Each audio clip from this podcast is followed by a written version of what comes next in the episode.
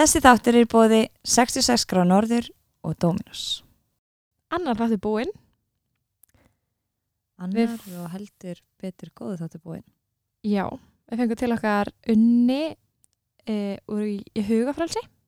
Unnur Arna Jónsdóttir heitir hún, fullir nafni og er stopnandi og eigandi hugleiðslu um, slökunar og öndunar námskeis fyrirtækis. Já, Um, þeir eru semst með námskeið fyrir börn og úlinga og kenna þeim slökun, öndunaðferðir og hugleyslu og aðstofa við að díla við til dæmis kvíða og áriti, Svo svona skjánótkun og, og sjálfstyrkingarnámskeið nokkala. Mhm. Það sem ert svona fenginn til að gera hluti sem var kannski ekkit alveg að gera alltaf daga.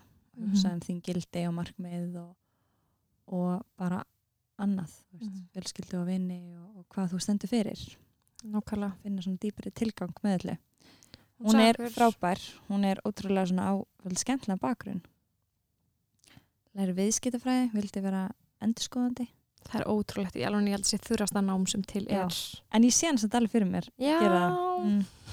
og svo hérna og fer svo í heilaranám og einmitt, í dag á þetta fyrirtæki Mm. sem hefur heldur betur haft svona mikil áhrif á, á marga grunnskóla og samfélagið og, og Mér finnst bara magna líka að hún var að segja að hún var að koma inn á öldrunarheimili og þú veist, bara ótrúlegt hvað einhvern veginn úvitund og þessi aðferð til þess að huga andlæra heilsu er orðin veist, Það er bara geðvegt, þetta tekur einhver stund auðvitað að læra Mhm. og mér finnst líka magna svona að segja bara með svefn hjá ungu fólki hvað það vantar.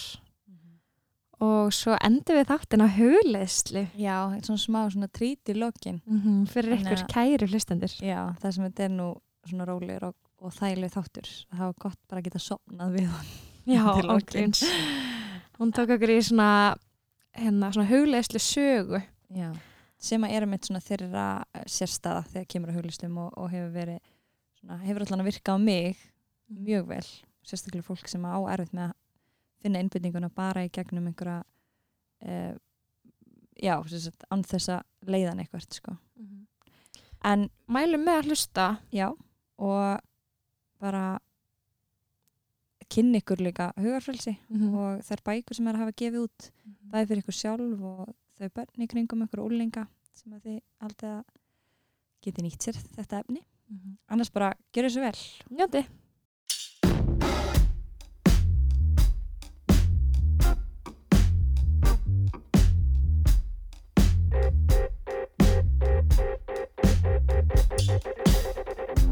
Verið velkomin í þáttinn þegar ég verð stór Ég heiti Vakan Jálsdóttir Og ég heiti Valarún Magnúsdóttir. Gestur kvöldsins er Unnur Arna Jónsdóttir stopnandi og eigandi hugarfrelsis Verstu velkomin til okkar Takk fyrir. Rosa gaman að fá þér loksins Já, Já. Gott Gaman fyrir mig að koma. Er það ekki? Jú. Hvernig, hérna, hvernig liggur áður í dag? Bara, ég er bara nokkuð góð. Já. Gott að heyra. Þú ert að bralla ímislegt þessa dagana, er það ekki? Jú. Hvað svona, kannski gott fyrir hlustundur að vita bara hvað þú gerir og, og hverjum verkefnum þú sinnir svona dagstælega. Já. Ég er ekki fyrirtæki sem heitir Hugafrelsi á samt vinkonu minni, Rafnildi Sigurðardóttur. Og bara í þessari viku voru að fara að staða öll námskein hjá okkur en við erum í tíu sveitafélögum við Sverulandinu. Þannig að það búið að vera nóg að gera. Og þetta er yfir 20 námskeið fyrir börn og unglinga. Og síðan erum við líka í námi, skráðum okkur í sálgæslu. Þannig að við erum bæði búin að vera að koma á stað öllum námskeifunum og að læra. Þannig að það búið nóg að gera. Og svo voruð þið líka að gefa út bók. Já, Gleimist. Og svo líka bók. Hrindi bókin eitthvað, eða ekki? jú, fymtu bókin okkar sem heitir Veldu. Mhm. Og ég gekk bara með sannig sagt að hún er frábær og ég bara hlakka til að sjá hún út um allt og, og vona að flest allir kaupi sér hana. Já, við erum Mhm. einstaklega ánægða með hana. Vegna þess að, að það er svo gaman líka að segja frá því að þegar við skrifum hana þá vorum við að hugsa um 16 ára, hann er 16 til 25, við vorum svona að hugsa þann markhóp og okkur fannst þennan hóp vanta bók svona til að hjálpa sér að, að velja sína leið í lífinu þannig að maður ná að blómstra og, og, og leifa sér að skína skert bara eins og fallir í stjórn á himninum alla daga og það er svona markmið og þetta eru punktar sem að þarf að íta við manni og på tíman og minna mann á. Margt af þessu vitu við, en svo er annað sem að, að er nýtt fyrir okkur. En þegar við letum lesa nefir að þá tókum við allt frá 14 ára unglingum og upp í áttrætt fólk. Allan skalan þarna á milli og það voru allir sem segja, vá, þetta er bara bók fyrir mig. Og það er svo gaman að sjá það þegar maður fer á stað með eitthvað ákveði og svo bara blómstrar þetta og á erindi til allra. algjörlega Og í dag eru fyrirtæki, stór fyrirtæki, sem eru mikið að horfa mannauðin sinn að kaupa þessa bók fyrir sitt starfsfólk til að efla þau enn frekar. Og veist, þetta er bara geggjað. Frábært. Það er líka bara svona bók sem þú vilt hafa náttborinu og bara grípa í þú veist, einhvern veginn um, já, svona, og, og þú veist, þegar eitthvað, einhver kapli á við þá les maður hann og, og fram og tilbaka og, og þannig, já. en Svona þetta alveg glugga alltaf í og Já. eitthvað. Mhm. það er svona mjög, mjög áhugavert Nákvæmlega. Já, eins og sonu minn sagði sem er 14 ára, ég let hann hafa bókina og, og sagði, já, nú hérna, getur þú kíkt í hana? Og svo spurði ég hann nokkrum vikum setna hvort hann væri búin að lesa hana og þá sagði hann, já, ég er að lesa hann í indislestri í skólanum. Ég bara, ok, og hvernig finnst þér? Hún geggjuð. og ég leita á hann og fór að hlæja og hann alveg nöyir ekkert að segja þetta því út mamma mín. Hún er bara ótrúlega góð, ég er að læra svo mikið af henni Æ. og sumt veit ég alveg og þá er ég bara, oh, hvað er ég að spá en svo er annað sem að ég bara vissi ekki og minnst bara alveg frábært sann, og það besta við hana er að það er ekki mikill text á hverju blasi þannig að maður nennir að lesa hana sem er satt Já. Maður alltaf bara, jæja, hver er myndin þar? Nákvæmlega. En þeir, sag- þú sagðir að þið var í námi sjálfgæslu. Getur aðeins útskist hvað það er? Já, það er svona að hérna, það er náttúrulega snýrað ímsu og að fólk úr alls konar stjættum bæði hjúgrunar fólk og hérna kennarar, prestar dómarar og fleira svona þeir sem bara hafa áhuga og, og að vinna með öðru fólki leiðbina eða hjálpa á einhvern hátt. En þetta gengur svolítið út á það. Hvernig maður getur bætt sig í því að, að vera til staðar fyrir aðra og svona ýmsar aðferðir í því. ég segi að það væri svolítið svona eins og nútíma prestanám Já. fyrir mér sko, þú Já. veist eh, bara fyrir að það er Mm getur svona hort á þetta svolítið þannig Já. en, ef að henda okkur í ræðspurningar þannig við byrjum að svona Aðeins að grafa þetta ofan í þig meira Já. Nákvæmlega. Ertu tilbúin? Já. Búin að tæma hugan? Já. það er ekki hægt. ok. Hvað ertu gömul? 46. Hvað færðir í morgumat? Havragraut. Uppáhalds lag? Ú, pass. Uppáhalds staðir? Ítalja.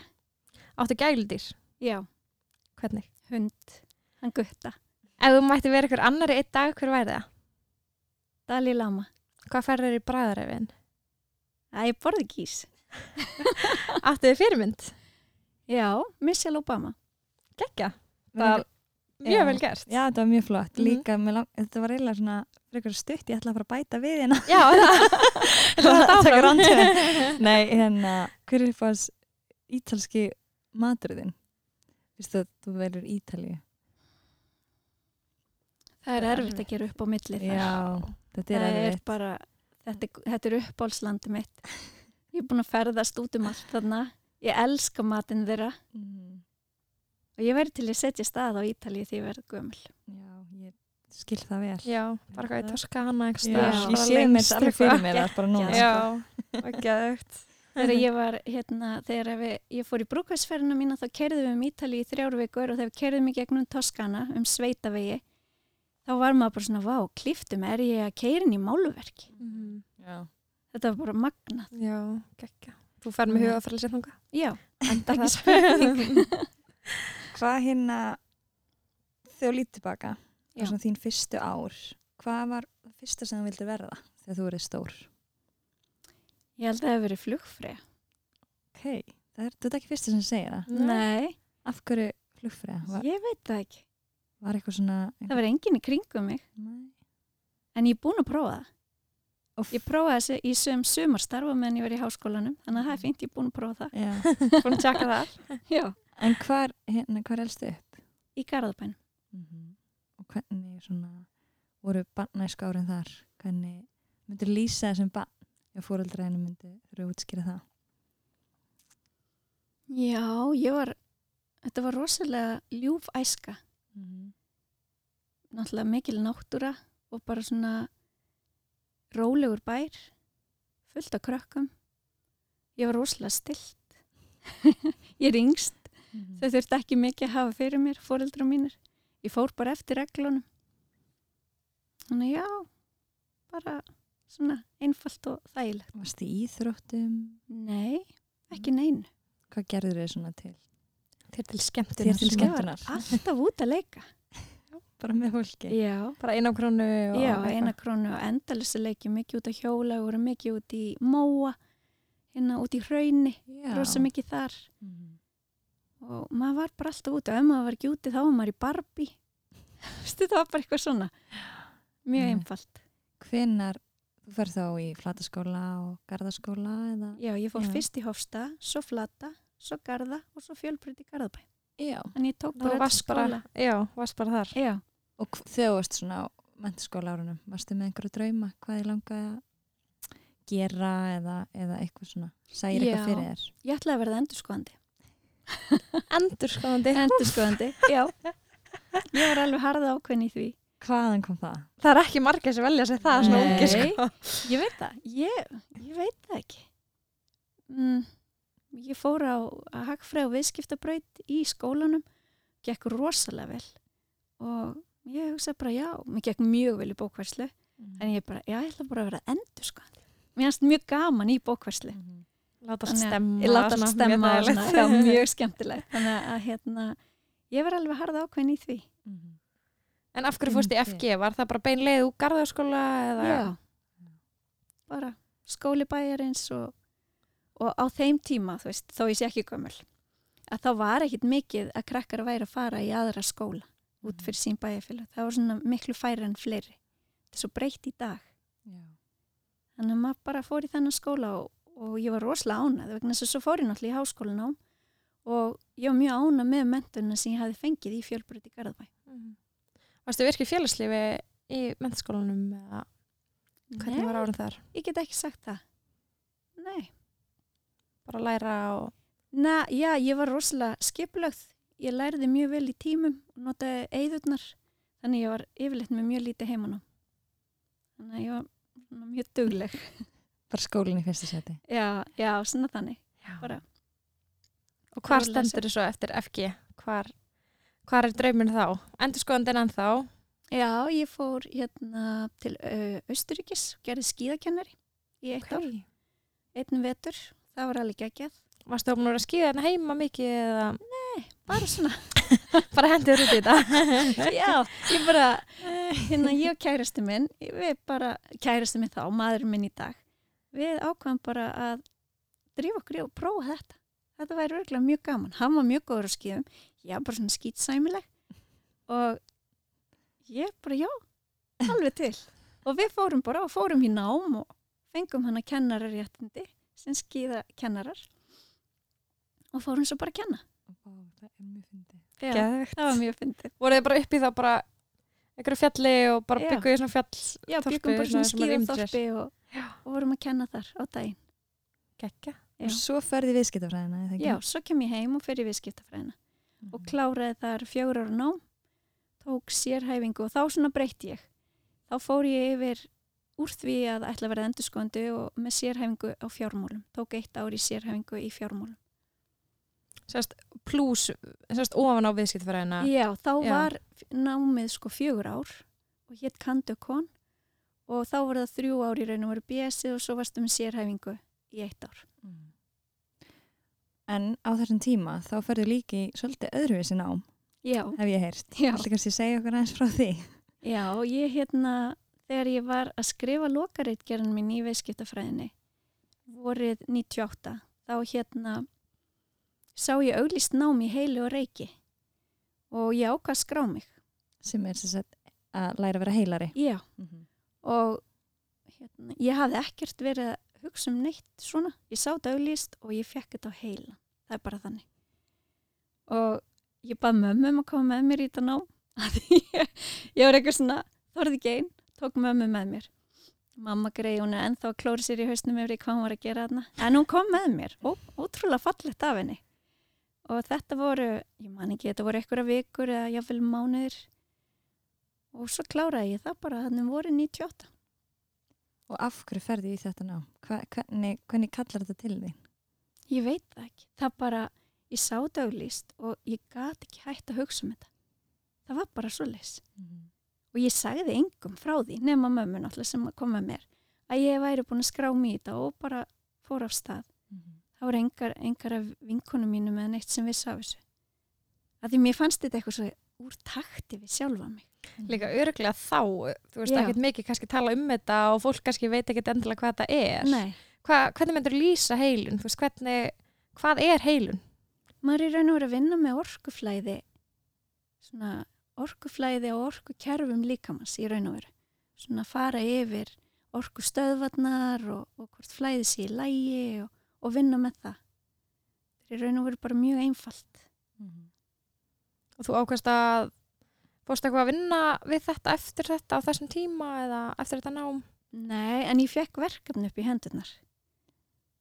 Og ég þurfti að nota þetta þar mjög mikið. Þannig að ég byrjaði þannig. Og hvernig verkefni var það?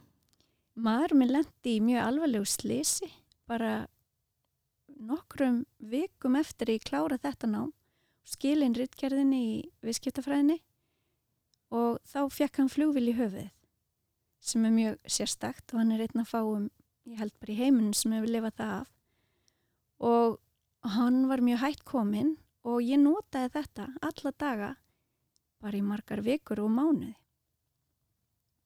að leggja á hann hendur ef við getum orðað sem svo og, og heilan Þetta er ótrúlegt sko. Er Þetta sé ótrúlegt. nokkrum vikum já, áður en þetta gerist. já þú hefur séð þetta nám og fengið á heilan. mm Heldur þetta sé Svarið í þetta.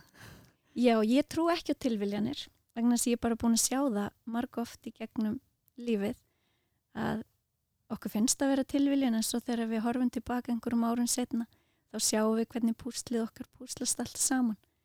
Þannig ég er alveg sannfærum það að ég var leitt á þessa, inn á þessa braut vegna þess að þetta hefur síðan greiðlega áhrif á mitt líf í kjölfarið. Ég byrja að vinna sem viðskiptafræðingur, mjög metnaðgjöld og svona sá fyrir mér frama í fyrirtækjum og í fyrirtækjarekstri.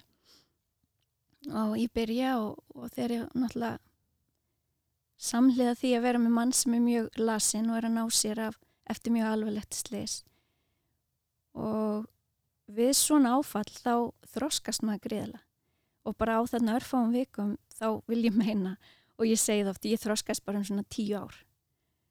Og mér leið þannig og ég, ég leið líka út þannig. Það var svolítið þannig. Maður var alveg bugaður á tíma.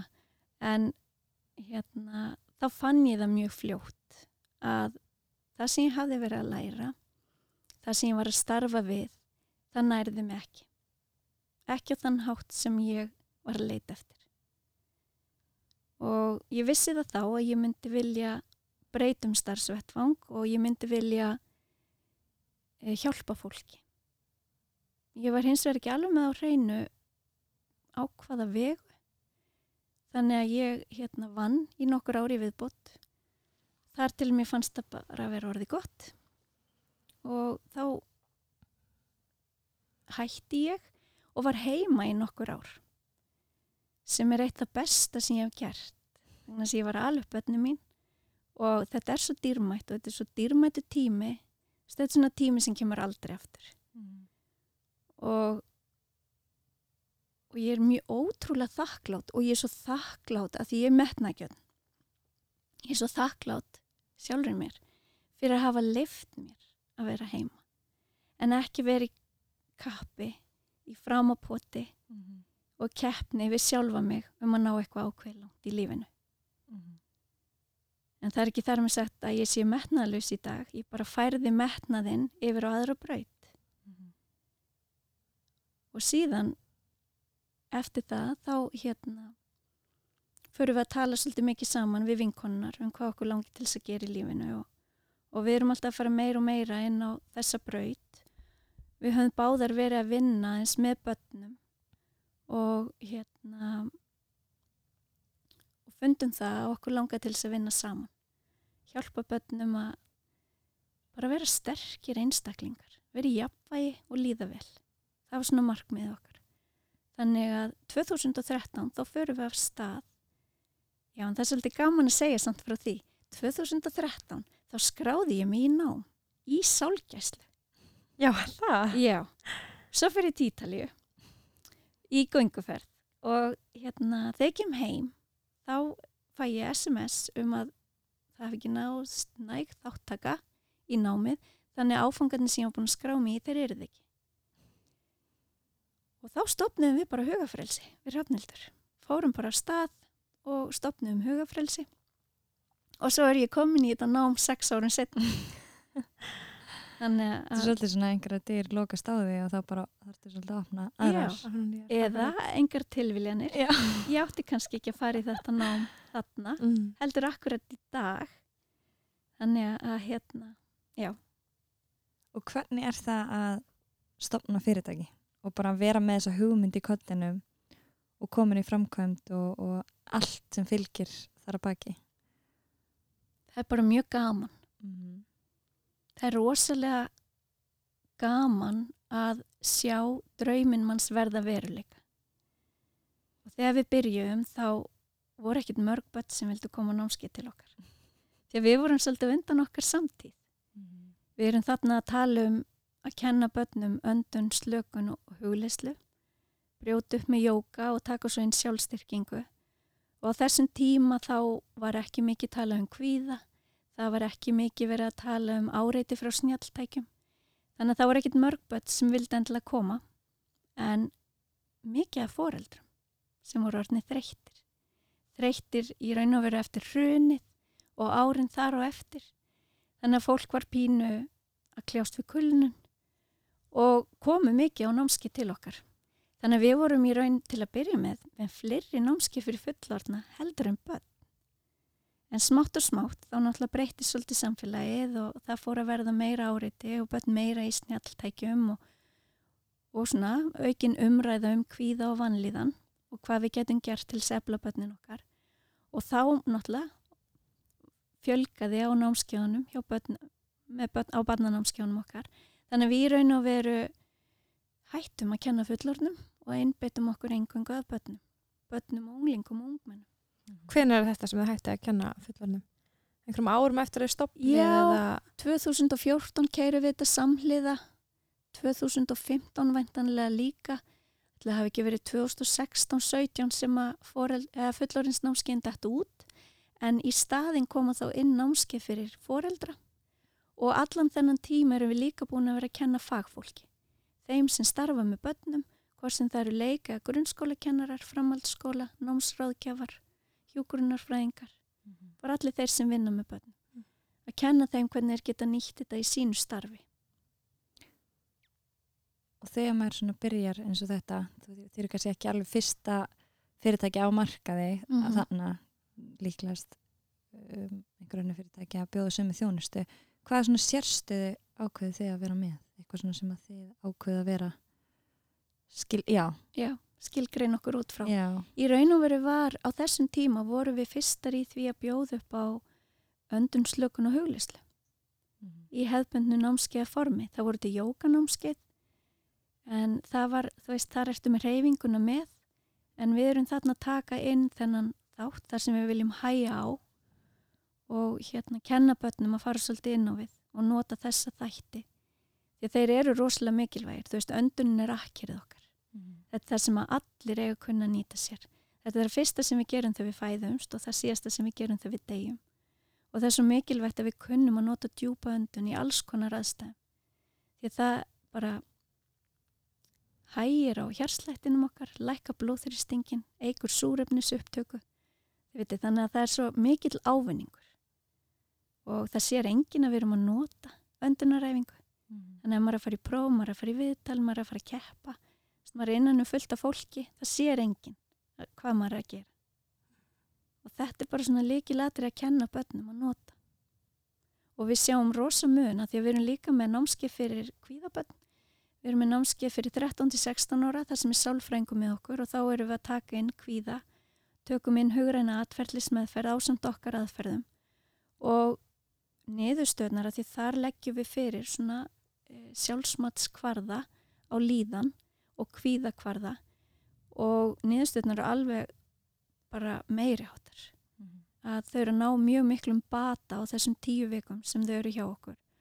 Og það sem við heyrum frá öllum foreldrum að því að nú tölum við við þau eftir fyrsta, tí, fyrstu tímana til þess að færa þeim niðurstöðnar úr þessum mælingum hvar börnin er að standa að þá eru allir foreldrar sammálum það að bara það að læra öndunaræfingu er að gera krökkunum mjög gott. Þau eru mjög fljóta yfirfærið yfir sitt daglega líf saman hvort það er inn í skólakerfið eða félagslega samskipti og annað. Þannig að það er mikill ávinningur og leikilættir að nota djúpa öndunum og ræðrögt með að sopna kvöldin. Það er bara nummer 1, 2 og 3. Það er bara frábærtlega hvernig umræðin hefur breyst og sérstaklega tengt líðan batna og svona með kvíða og, og svona, Já. fólk er bara orðið miklu opnari fyrir þessu. Já. En ef við byrjum að byrjun, uh, hvað er hugleisla? Áður en við förum dýbra í Já. hugafræsi. Hugleisla er bara alveg eins og orðið segir að leiða hugan í ákveðin átt og hugurinn okkar er rosalega öflugur og mjög máttugur. Við erum með 50-70 þúsund hugsanir í kollinum á hverjum einasta sólaring þannig að það er mikið magn og þetta eru jákvæður og neikvæður hugsanir og hugurinn vill mjög mikið stjórna. Það sem við gerum með hugleislinni er að við erum að taka stjórn og við erum að leiða hugan í stað þess að láta hann leiða okkur út um allt. Og það sem við gerum, það er hægt að huglega ótal vegu. Það er sagt að sé hægt að huglega á jafn marga vegu og mennirnir eru margir. Hver og einn finnir sína leið. En við notumst hins vegar við söguformið. Vegna þess að börn þekkja söguformið. Þannig að það er auðveld leið til að nálgast þau og kynna þessa aðferðafræði fyrir þeim. Þannig eru þá að lesa fyrir einhverja sögur og þannig Já. leiða út í eitthvað. Já. Við lesum fyrir þau hugleislu sögu og í hverju hugleislu sögu er ákveð þema. Það eru alltaf þagnir inn á milli og maður leikles ekki, maður les mjög flatt. Og þannig náðu bara að fylgja sögunni og þetta er gríðarlega góð einbeitingaræfing. Mm. Svo ég tali nú ekki um ímyndunaraflið. Vegna þess að þau eru með lokuð augun og eru bara að sjá fyrir sér það sem að, að kemur upp í hugan. Og þetta er mjög mikilvægt í dag sem mótvægi við snjáltækin. En þess að börn í dag eru að eyða allt og miklum tíma mínum mati í snjáltækjum og þar eru þau í mötun. Mi- Mikill í mötun og upplýsingum. Þannig að þau þurfa lítið að nota sitt eigið ímyndunarafl. Sjáu einhvern, þú veist, mun eins og það var að tala um að á Íslandi eru orðin ótrúlega mörg sem eru greint með aðtilsprest og annað. Er það Mhm. eitthvað að vinna með það? Þú veist, sjáu þið mun á einbyrningu fyrir og eftir hugluslu eða, eða hjálpar huglusla með það? Við sjáum það náttúrulega ekki á námskjónum hjá okkur vegna þess að við e, endum tíman alltaf á hugleyslu, spjallum pínu saman og svo fara þau en við heyrum mikið frá foreldrum að þetta hjálpar börnum sem er að takast á einhvers konar greiningar þá eru þessar aðferðin mjög góðar til þess að vinna með. hvaða aldur, veist, en núna hugsa við börn, hvenar heldur að barn geti byrjað að hugleiða eða byrjað að nota öndun til að stjórna sinni líðan? Á hvað aldrei er þetta að byrja? Sko það er fullt af leikskólum á Íslandi sem eru að vinna eftir okkar aðferðafræði og við komum inn í þá og, og með svona innleiðingu þannig að þar eru krakkar alveg nýri átjón mánada að nota öndunaræfingu. Svo taka þau slökun og hugleyslu inn í kvildinni. Þannig í staðin fyrir að lesa sögu áður en þau sopna að þá lesa þau hugleyslu sögu. Svo með eldri börnin sem eru hægt að sofa þá er mjög mikilvægt að þau fái samt kvildartíma, bara svona ró og þá liggja þau bara á gólfinu eða fram á borðið og það er farið í gegnum slökun þar sem við slökun niður öllum líkamannum og svo er lesin hugleyslu saga. Hver myndir að segja að vera svona mest krefjandi aldur á börnum sem að er að vinna með? Eða er þetta bara ekkert málum alla? Nei, þetta er sko, mörgum börnum finnst þetta mjög skrít að því þau þekki þetta bara ekki. Og við sjáum alveg á námskjónum að tekur stundum þrjú-fjögur skipti fyrir þau bara komast inn á þetta. Átt að sjá því hvað þetta er út og hvað þetta gengur. En eftir það finnst þeim þetta mjög notalegt og sæki í þetta. Og við heyrum frá kennurum viðsvegar á landinu að börn og unglingar og ungmenni bara á göngunum, heyrðu eru ekki öruglega slökun og hugleysla í dag. Vegna þess að þau finna bara áhrifin. Mhm. og þau eru þreytt því að þau sofa ekki nú. Mhm. Talandi um það, Já. ert búin að vera svolítið að stúdra svepp já, þessa, uh, þessa dagana. Segja okkur svona svolítið frá því. já. Við erum höfum og undarförnu ári við erum mikið með námskeið fyrir foreldra þar sem við erum að fara yfir okkar aðferðir og ræða mikið svepp vegna þess að þetta er bara leiki latriði og, og svona uh, raun, í raun sko skiptir svepp öllu máli þegar við erum að tala um andlega og líkamlega velíðan og börn í dag er að sofa allt og lítið. Það er stundum hjá okkur foreldrum þá erum við oft bara ekki nógu hörð að láta þau fara að sofa á réttum tíma við erum bara sjálf úrvinda og þreytt og mikið að gera hjá okkur þannig að við gleymum okkur og höfum kannski ekki nægan aga.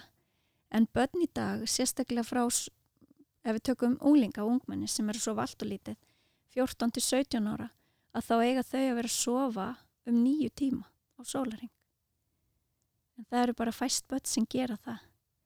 Og nýjar tölur frá landlækni sína það að unglingar og ungmenni eiga að sofa í að minnstakosti nýju tíma. En árið 2018 bara í fyrra var hlutfall grunnskóla nema sem fá ekki nægan nætusvefn og þá erum við að tala um sjö klukkustundir að minna að það voru 31% í áttundabæk við erum að tala um 14 ára krakka 42% í níundabæk og 54% í tíundabæk Vá. þau eru að sofa sjö klukkustundir að minna. og ef við tökum þetta saman yfir heilt ár það vantar tvo tímaðn upp á hverjum sólaring þá vantar þið mánuð í svepp og þið viti bara hvernig þið eruð þegar þið fá ekki nægan svepp svona verður pyrraður mótleita þóli fyrir alveg niður úr öllu. Það má lítið út af bregða bæði í samskiptum í náminu, í vinnunni skiljiði. Að þá finnst manni það bara allt óyfirstíganlegt og erfitt. Mm. þannig að svefnin er besta meðali sem við getum gefið okkur sjálfum og það er ókipis En hver heldur ástæðan fyrir þessu sé? Ég held að þetta tengist mikið inn á snjalltækin. Að krakkar fara í þau eftir matinn og gleyma sér. Veist, bara eins og við sjálf. Ég menna maður fer inn á þessa samskiptamila og það líður hálftíma og svo klukkutíma árum að veita af. Og eins og með unglinga og ungmenni þá eru þau of mikið í þessum tækjum og við heyrum það þegar við spyrjum krakkan á námskjónum hjá okkur að þau eru vel flest frá svona 5-6 tímum og alveg upp í 13 tíma á dag. Það er rosalegt. Já. 13 tíma Það á er dag. rosalegt. Þetta er meira full vinna bara. Já, og það sem að náttúrulega þessar tölur frá landlegni sína líka að um leið og svefnin fyrir niður að þá eikst öll neistla á orkudrykkjum sem innhalda koffín og það er sko ro- 34% ungmenna sem sofa minna en 6 klukkustundir þau drekka fjóra eða fleiri orkudrykki með koffín á dag og 71,4% framhaldsskólanefma sofa 7 klukkustundir eða minna. Þannig að þetta er áhyggjafn. Mm. Það þarf að verða svona einhverju vitundavakning að þetta er svo auðvelt að laga. Og ef við getum lagað þetta og unni með það, þá erum við auka velíðan mjög mikið. og þetta er líka, veist, þetta ég meina eins og við getum verið vissum að, ég meina, snjalltækin eru bara komin til að vera og Mhm. við elskum þau og við hötum þau og, og veist, þetta er einhvern veginn bara þessi fræðisla líka um samfélagsmiðla sem skortir Já. bara gríðarlega og, og bæði nótkunin og tímanótkunin og, og allt þetta, þetta er einhvern veginn ekki búið að innlega þetta inn í bara, þú veist, ég meina, þetta er eitt, eitt stærsti þáttur sem verður í framtíðin okkar og er í lífi okkur í dag Mm -hmm. þú veist, mikilvægur en oft vinnir og fjölskylda sko. Já, og þú veist, það að okkur sé ekki einu svona kent að nota þetta og, og bara og, og allt þetta er alveg mér finnst það líka alveg svona Umhugsunarefni umhugsunarefni eitthvað sem má alveg pæli í sko. og, og þetta bara, þetta hefur það mikil áhrif á okkur og við Já. getum ekki neita því nei. Líka ef að, þú veist, og sko. Ef að ungmenni og úlingar er að venna sig á þetta núna, Mm þú veist, hvernig þau eru ekkert að fara tilbaka, Nei, nei. Og, og við finnum það alveg, veist, við erum mikið að spurja krakkana bara um hvað finnst gaman að gera og svona áhuga svið þeirra. Og þau er bara erfitt með það. Vegna þess að þau eru í svo mikill í mötun í þessum tækjum og bara tíminn líður og dagurinn er búinn og það eina sem þau mögulega gerði var að fara í skólan og æfingu eða í einhverju tómstund og þess á milli eru þau í mötun í tækjunum. Mm. Og þá ertu lítið að velta hlutum fyrir þér eða þróa þig áfram eða finna styrkleikana þína sem er gríðarlega mikilvægt. Og ég held að sé ekki endilega bara börn og líkar, ég held að sé líka bara ungmenni í dag og, Já, og fólk á aldrei, 20 og 30, þú veist, fólk sem að einhvern veginn lifur og hrærir í þessu líka og, og það er auðvelt að gleyma sér um mitt og Mm. bara svona mitt ekki, ekki horfa inn á við og skoða gildin sín og, og setja sér markmið og allt þetta. Já. Það er svona auðvelt að gleyma sér í einhverjum raunveruleika sko. Og eins og við segjum við krakkana, þú veist, ef þú ert að nota 6-7 tíma á dag í þessum tækjum, hvað væri, þú veist, að því þá erum við ekki að nota þennan tíma í eitthvað annað. Og það er það sem er svo miður. Ef þau myndu nota 6-7 tíma á dag aukalega í heimanám, hvernig nefnendur haldið þau eru þau? Þau eru þau afbyrðar eða í tómstundir. Ef við erum að æfa á píano og ég myndi að öfum með 6 klukkutíma á dag á píanoið, skil ég. Eða í hjálp sem er heima fyrir. Þannig að við getum verið að nota tíman í svo miklu betri hluti, hluti sem efla okkur á marga vegu og eru þar með líka að efla sjálfsmyndin okkar. En þess að þegar við erum í þessum snjáltækjum og erum inn á mörgurinn og samskiptamilunum, strákarum mikið inn á YouTube, að þá erum við alltaf í samanbörði. Og hann dregur úr sjálfsmyndin okkar, okkur, okkur finnst við aldrei vera nóg. Við förum að efast um okkur og hérna, förum að finna fyrir kvíða. Ég hugsa að þetta sé mjög mikil svona, svona krefjandi, þú veist, á móti sjálfstyrkinga námskeiðinu að finna eitthvað balans þarna, þú ert alltaf á símanum en er svo sjálfstyrkinga námskeið, veist, -hmm. það þarf alveg að balansa þetta út, sko. Já, og eins og við, við notum mikið með foreldrum og ég menna ég hef gert þetta heimi á mér að ef að, að ég finn styrkleikana með krökkunum og þau eru bara með styrkleikana sín á bladi og eru alveg meðvituð um alla sína styrkleika og það sem gerist þegar við erum að vinna með styrkleikan okkar þá líður okkur svo vel, við erum svo ánægð. Og þá um leið erum við að efla sjálfsmyndina.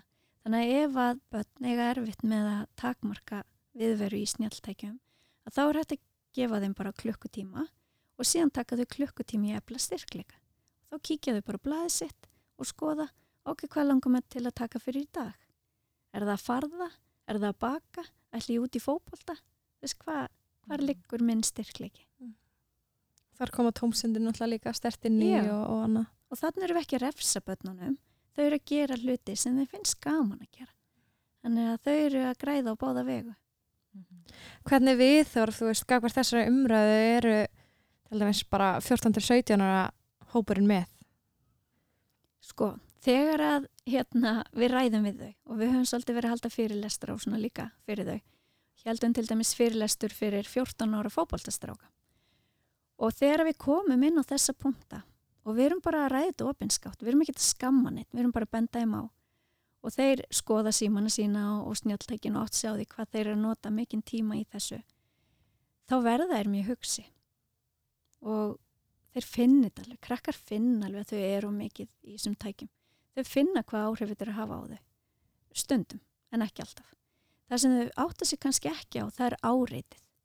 Vegna þess að þau eru mörg hver að fylgjast með tugum eða hundrum inn á Instagram og snappinu og það eru tilkynningar og allt þetta sem er að koma, kannski týjir eða hundruðir yfir daginn og það er þetta pot, þetta pot sem þau átta sig ekki á. Það væri svona eins og ég stæði við hliðin á ykkur og ég myndi poti í handlegginni á ykkur jafn oft og það koma tilkynningar eða skilaboð í snjáltækjunum. Og ég hugsaði að ég væri orðna mjög auðmar í handleggnum eftir daginn og þetta er þetta pot sem gerir mann pyrraðan og svona dónalegan í samskiptum, tilsvörum og annað sem við heyrum oft frá krökkum og unglingum. Og ég held að þetta stafi svolítið af þessu. Þetta er að ítundi streytuhegðun hjá þeim, pyrring, uppgjöf og kvíða og vanlíðan, erfitt með að sopna og þau áttu sér ekkert á því. En þegar maður bendir þeim á þetta, þá kannastu við sig í flestum aðstæðum og eru tilbúin til þess að, að hérna, velja að nota tíman sinn á annan hátt. Vegna þess að þetta snýst um val. Það velur enginn fyrir þau. Þau velja sjálf. Og það er það sem að, og eins og með nýju bókin okkar veldu, að þarna erum við akkurat að benda það að þú velur allan daginn oft á dag. Við vöknum á mótnana og við erum að fara í fött og það sem við ætlum í er ekki reynd og þá veljum við. Þú veist, ætlum ég að vera jákvæð eða neikvæð. Svo komum við fram og mjólkin er búin. Akkurat ég ætla að borða serjós með mjólk. Og þá er mjólkin ekki til og ég vel. Að vera jákvæð eða neikvæð ég fer út í hérna, bíl og keira mikil umferð. Og ætlum ég að láta það tröfla mig eða hvað? Ég kem í vinnuna skilji, svona förum við í gegnum daginn og börnin okkar líka. Og við erum alltaf að takast á við verkefnin okkar og við erum að velja. Og en leið og við veljum þá veljum við okkar líðan. Og það er mikilvægt að kenna börnum þetta því fyrr sem þau átt að segja ábyrðin liggur hjá þeim þá hafa þau meira vald og val. Og fara að velja fyrir sig, sína líðan láta síður aðra hafa áhrif á sig skilji, Mhm. þannig að þetta hefur svona áhrif, fyririlda áhrif út í allt sem við gerum eða upplifum Nákvæmlega. og þetta er með það hverju svo flott einn blaðsja sem við tölum um þeim saman er hérna hvað, hvað við getum stjórnað og hverju við getum ekki stjórnað Já. sem, þú veist, eru mitt svona hlutir sem bara já, já, ég veit þetta alveg en svo lestu þetta og ert bara, já, ég þarf, ég þarf að minna á þetta, þarf, þetta eru 100% punktar sem ég þarf að skoða hverjum degi bara, Já. þessu get ég stjórnað, þessu Mhm. hef ég enga stjórnað Já. og bara taka því eins og það er og, og, Já. og svo leið, sko Já, við stjórnum náttúrulega engum nema okkur sjálfu. En við erum alltaf að reyna að stjórna öllum í kringum okkur. Og perur okkur á því þegar það virkar ekki og gengur ekki upp. Og um leið að við sleppum takin af þessu og veljum hvernig við komum fram og hvað við gerum og hvernig við tökum á móti e, samræðum, vinskap, kennslu, skilji. Þarna hef ég val að þá get ég valið líka mína líðan. Mhm. Þannig að við erum alltaf að velja. algjörlega En eins og ef við talum aftur um hugleyslu uh, ef ég væri bara að fara að byrja að huglega núna hvað maður að gera? Hvað maður að byrja og, og þú veist, maður hefur heyrt um upp eins og headspace og svona það sem maður notar Mm -hmm. en já, hvernig er bara best að byrja? Það fyrir svolítið, sko, eftir já hvað aldrei þú ert. Hvað þér finnst henda þér. Uh, ég persónulega myndi byrja með hugleyslu sög. Þannig að það er bara svo auðvelt. Bara leggjast út af við að sitja í þægilegum stól, loka augunum og það er mikilvægt þegar maður byrjar að anda djúft nokkur sinnum áður eða fara í gegnum slökun. Vegna þess að hugurinn okkar, eins og ég sagði á þann, hann er svo hraður og hann er svo máttugur, mikið um að vera, að við þurfum að þess að hæja á og fara pínu inn á við til þess að geta leift okkur huglislinu.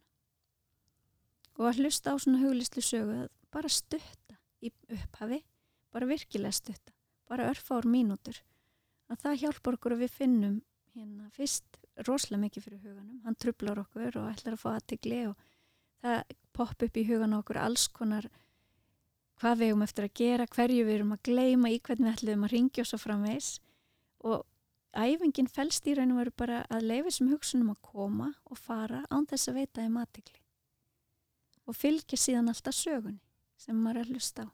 Og með æfingunni að þá smátt og smátt kemur það að maður næra að fylgja henni algjörlega og detta inn í ímyndun og sjá fyrir sér hlutina og það er bara alveg dásamlegt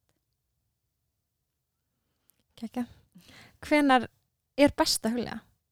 Var það hérst mótnana margir tala um að þeir kannski hlusta headspace eða veist, reyna að huglega að hann fór að sofa þá sopnaði bara. mm -hmm. Hver er best að huglega? Það er, ég held að sé bara misjaft eins og mennir eru margir og hver og einn í staðan fyrir að hugsa, já það er best að huglega þarna á mótnana því að þá er kyrð og ró í samfélaginu og orkan og eitthvað svona að frekar að hugsa hvenar hendar mér að huglega þá gerur það frekar finnur frekar stund. Eins og við segjum við fólk sem er í fullri vinnu og erfitt með að koma inn í dagskrána ég minna leg, legstu bara fram á borðið í vinnunni eða læstu þinn á klósiti heima bara í hörfáar mínútur einið einn með sjálfrið þér eða sjálfin þér og lefðu þér að- fara í gegnum huglislu. En hversu langan tíma tekur að huglega? Og hversu langan tíma tekur líka að ná því að læra að huglega? Sko við byrjum alltaf með mjög stuttar sögur til að byrja með. Það eru bara nokkrar mínútur. bara svona meðan maður er að aðlagast eftir því sem æfingin verður meiri og maður gerir þetta oftar að þá getur maður bara lengt og sumarsögurnar hjá okkur alveg konar upp í 20 mínútur og þær geta verið enn lengri. Þú getur hugleitt mjög lengi. Það fyrir bara eftir því hvaða aðferðafræði þú ert að nota og hvaða tíma þú hefur á hverjum degi í það. En þetta snýst, þetta er svo mikið val. Maður er alltaf að velja. Í staðan fyrir að ég á að verð að gera þetta svona eða hins einn þá velum maður bara í dag hef ég bara 5 mínútur. Og morgun er ég kannski með hálf tíma og svo hinda einn klukkutíma skilji, þannig að í staðin fyrir að láta það stoppa sig þá lagar maður það bara að sér og sínum aðstæðum þannig að það er ekkit eitt betur en annað og ekkit eitt sem verður að gera það er bara um að gera gera og njóta Algjörlega. Svo svona talandi um mikilvægi huglistu þá og, og, og setja þetta inn í skólakerfið og, og svo umræða mm -hmm. þá dætti ég að spjalla um daginn þar sem vorum að tala um eins og bara svona talandi um skammakróka og þannig í skólum, veist, hver man ekki eftir að hafa farið í skammakrókin, ég var alveg barnið þess að setja í skammakrókin sko. og hérna, þú veist og, og finna það bara að maður var æstur og, og, og veist, með enga aðtikli eða hvað sem maður var og hérna, ef maður ímynda sér að maður hefði verið settur inn í hótt það sem var bara, já, já, nú tekur þú bara öndunaræfingu mm. og þú fer bara að huglega og þú bara róar að heilan og líkamann og, og þú ert tilbúin, þú kemur aftur. Já. Vist, þetta er svo einfalt. Og maður er bara svona af hverju er þetta ekki löngu komið? Já. og, og, þú veist, og líka taldi það menn það er náttúrulega bara hvað, þú veist, já eh, 15-16 ár sem við vorum í þessum, þessum aldrei en sko hvernig finnst þér svona viðhorfið við þessum pælingum öllum þetta er, þú ert nýmóðins þegar kemur að þessu, þú op- opnar þetta fyrir sex ára síðan Mm -hmm. og sex ára síðar í dag er fólk svona orðið eh, bara tala um huglislu dagstælega Mhm. fyrir tveim árum fannst mér fólk ekki vera að tala um huglislu öndun dagstælega, þetta var svona meira bara veist, ef þú ert eitthvað vandamál að stríða en ekki bara, ekki bara það að allir þurfa á þessu að halda í dag. Og hversu mikið þetta gefur manni? Um, hvernig finnst þið svona eldra fólk taka við þessum pælingum og þegar þú byrjar að tala um bara, það mjög vel. Ok. Eh, flest eldra fólk á badnaböld og þau upplifir það mjög stert að þau séu mikið í snjáltækjum þannig að þau upplifa líka þetta mikla áreiti og hraðan í samfélagin okkar og finna það að börn þurfa á þess að halda. Og eins og öndun, djúb öndun er eitt besta agastjórnunatæki sem til er. Og kennarar sem noti þetta markvist í grunnskólum þeir tala um þetta bara og ég vildi ég hefði vita þetta eða nýtt mér þetta fyrir einhverjum bara, þú veist, árum síðan en þess að þeir finna svo mikinn mun Kekja. en fyrir þau sjálf, fyrir þau að nota þetta líka kennararnir já, bara eldra fólk. Já, við höfum og okkar aðferðir er verið að nota inn á öldrunarheimil. Mm. Á Akureyri er rosalega flott starf og þar er verið að lesa slökun og huglislu fyrir gamla fólkið. Og alls konar skjólstæðinga sem eru að takast á við ímislegt og meir sem þeir sem eiga mjög erfitt með að vera í hérna, hóp og hlusta að þeir verðast þekkja þetta form slökun og huglislu frá því bara hérna áður fyrr og eiga mjög auðvelt með að tilenga sér það. Mm.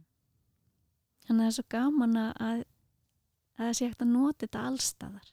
algjörlega þú talar um að þú varst að fundi með landlækni og ert þannig öldrun heimil og akurir. Hvernig rekstur er hugafrelsi með? Við finnst einhvern veginn allstar. Hvernig starfar hugafrelsi? Við vorum nú bara á ráðstefni í gær með fyrirlestur og landlæknir var þar líka og þess vegna voru við svo agdofa yfir þessum tölum varðandi svefn vegna þess að við erum núna búin að hitta uh, yfir þúsund foreldra á einu ári við sver á landinu þar sem við erum að ræða svefn og, og hérna, hvað börn sé að sofa of lítið og þetta sé eitthvað sem foreldra geti svo auðveldlega lagað.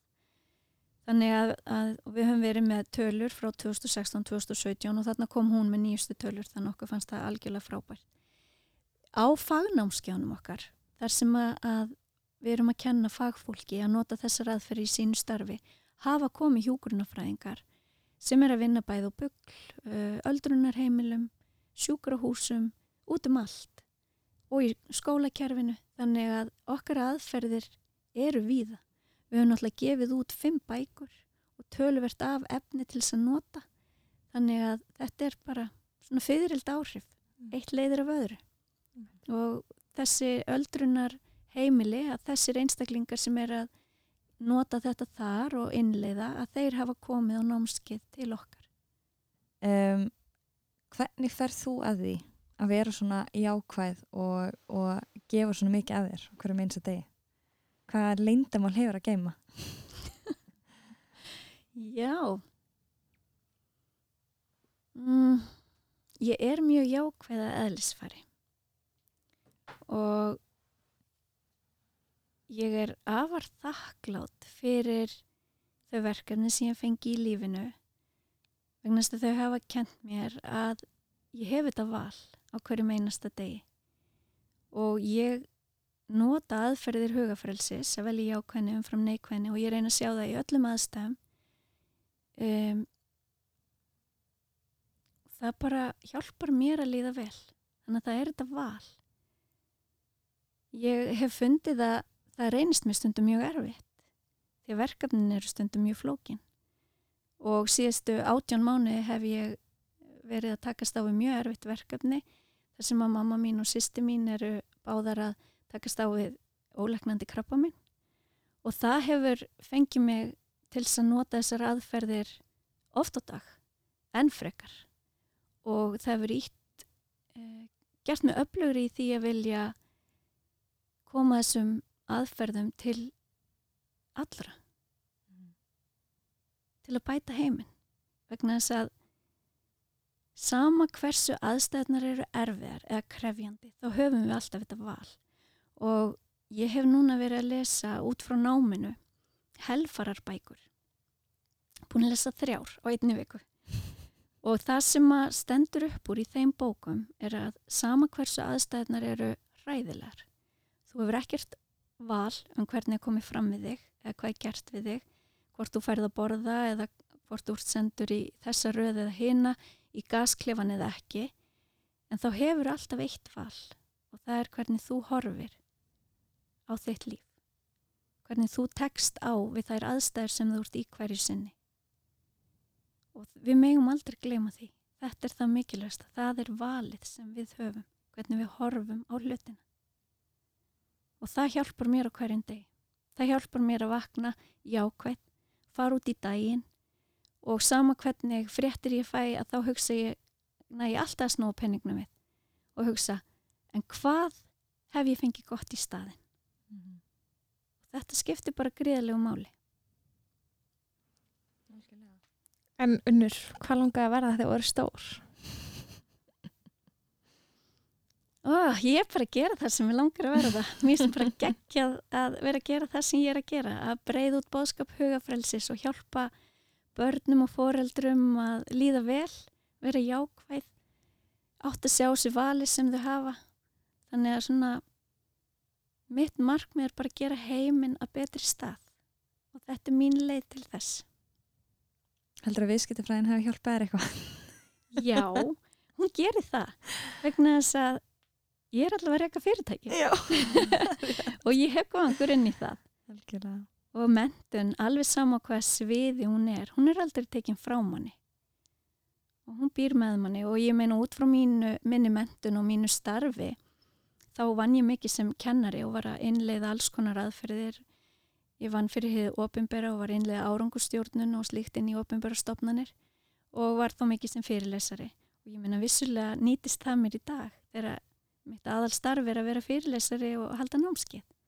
Þannig að þetta tvinnast allt saman og nýtist á allan móta Einhver loka ráð inn í ennan vetur sem við erum að fara inn í. Já, það er bara að fara í gegnum daginn og muna það að við höfum alltaf val. Við getum valið hvort við erum jákvæð eða neikvæð. Við getum valið að fylgja hjartanu en ekki hjörðinni. Þannig að muna velja vel. Og koma okkur stellingar. Ég er spæðið Já. að taka hugleisluna líka, sko. Já, Þannig líka. ég ætla bara að loka með og, og... og hérna, við erum með kósi stemmingu. þökkum hlustundum kella fyrir að hlusta og komið ykkur í góða stellingar unnur allra að lesa smá hugleysli fyrir okkur hérna og takk fyrir að koma Takk.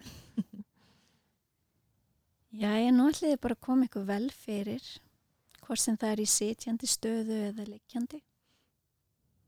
Og ætlum að byrja á því að anda eins inn um nefið og út um munnin. Og vendum aftur inn um nefið og út um munnin. Svo öndum við bara aftur eðlilega. Ímyndaðu þér að þú farið þangað sem þið finnst gott og þægilegt að vera. Já, hvaða staður er það?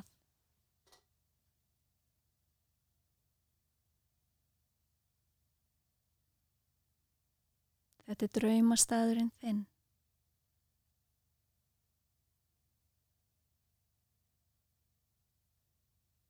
Þér liður ótrúlega vel Þér verður svo hlýtt í hjartan.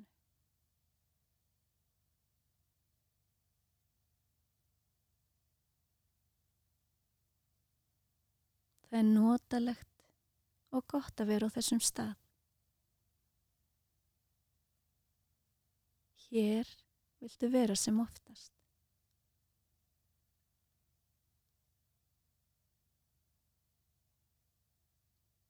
Þú horfir í kringum þig. Kanski er einhver með þér. Einhver sem þér þykir væntum. Eða finnst gott að vera með.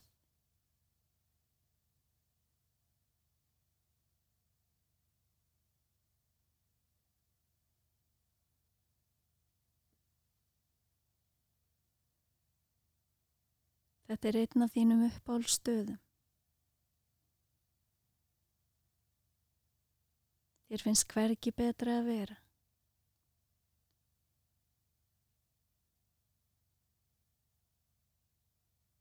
Þú finnur fyrir gleði og hamingju.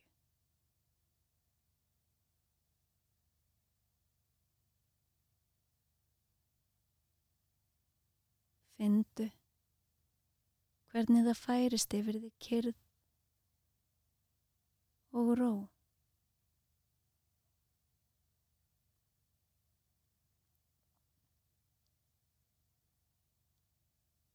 Þennan draumastað getur þú heimsótt hvena sem er.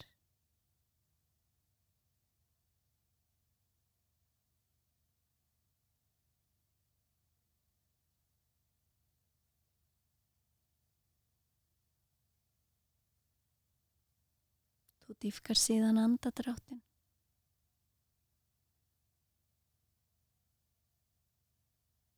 Reyfi varlega tær. Fingur. Reyfir hendur. Og fætur.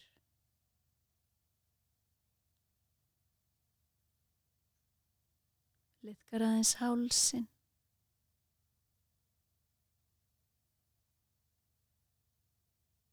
Tegir jafnvel úr þér.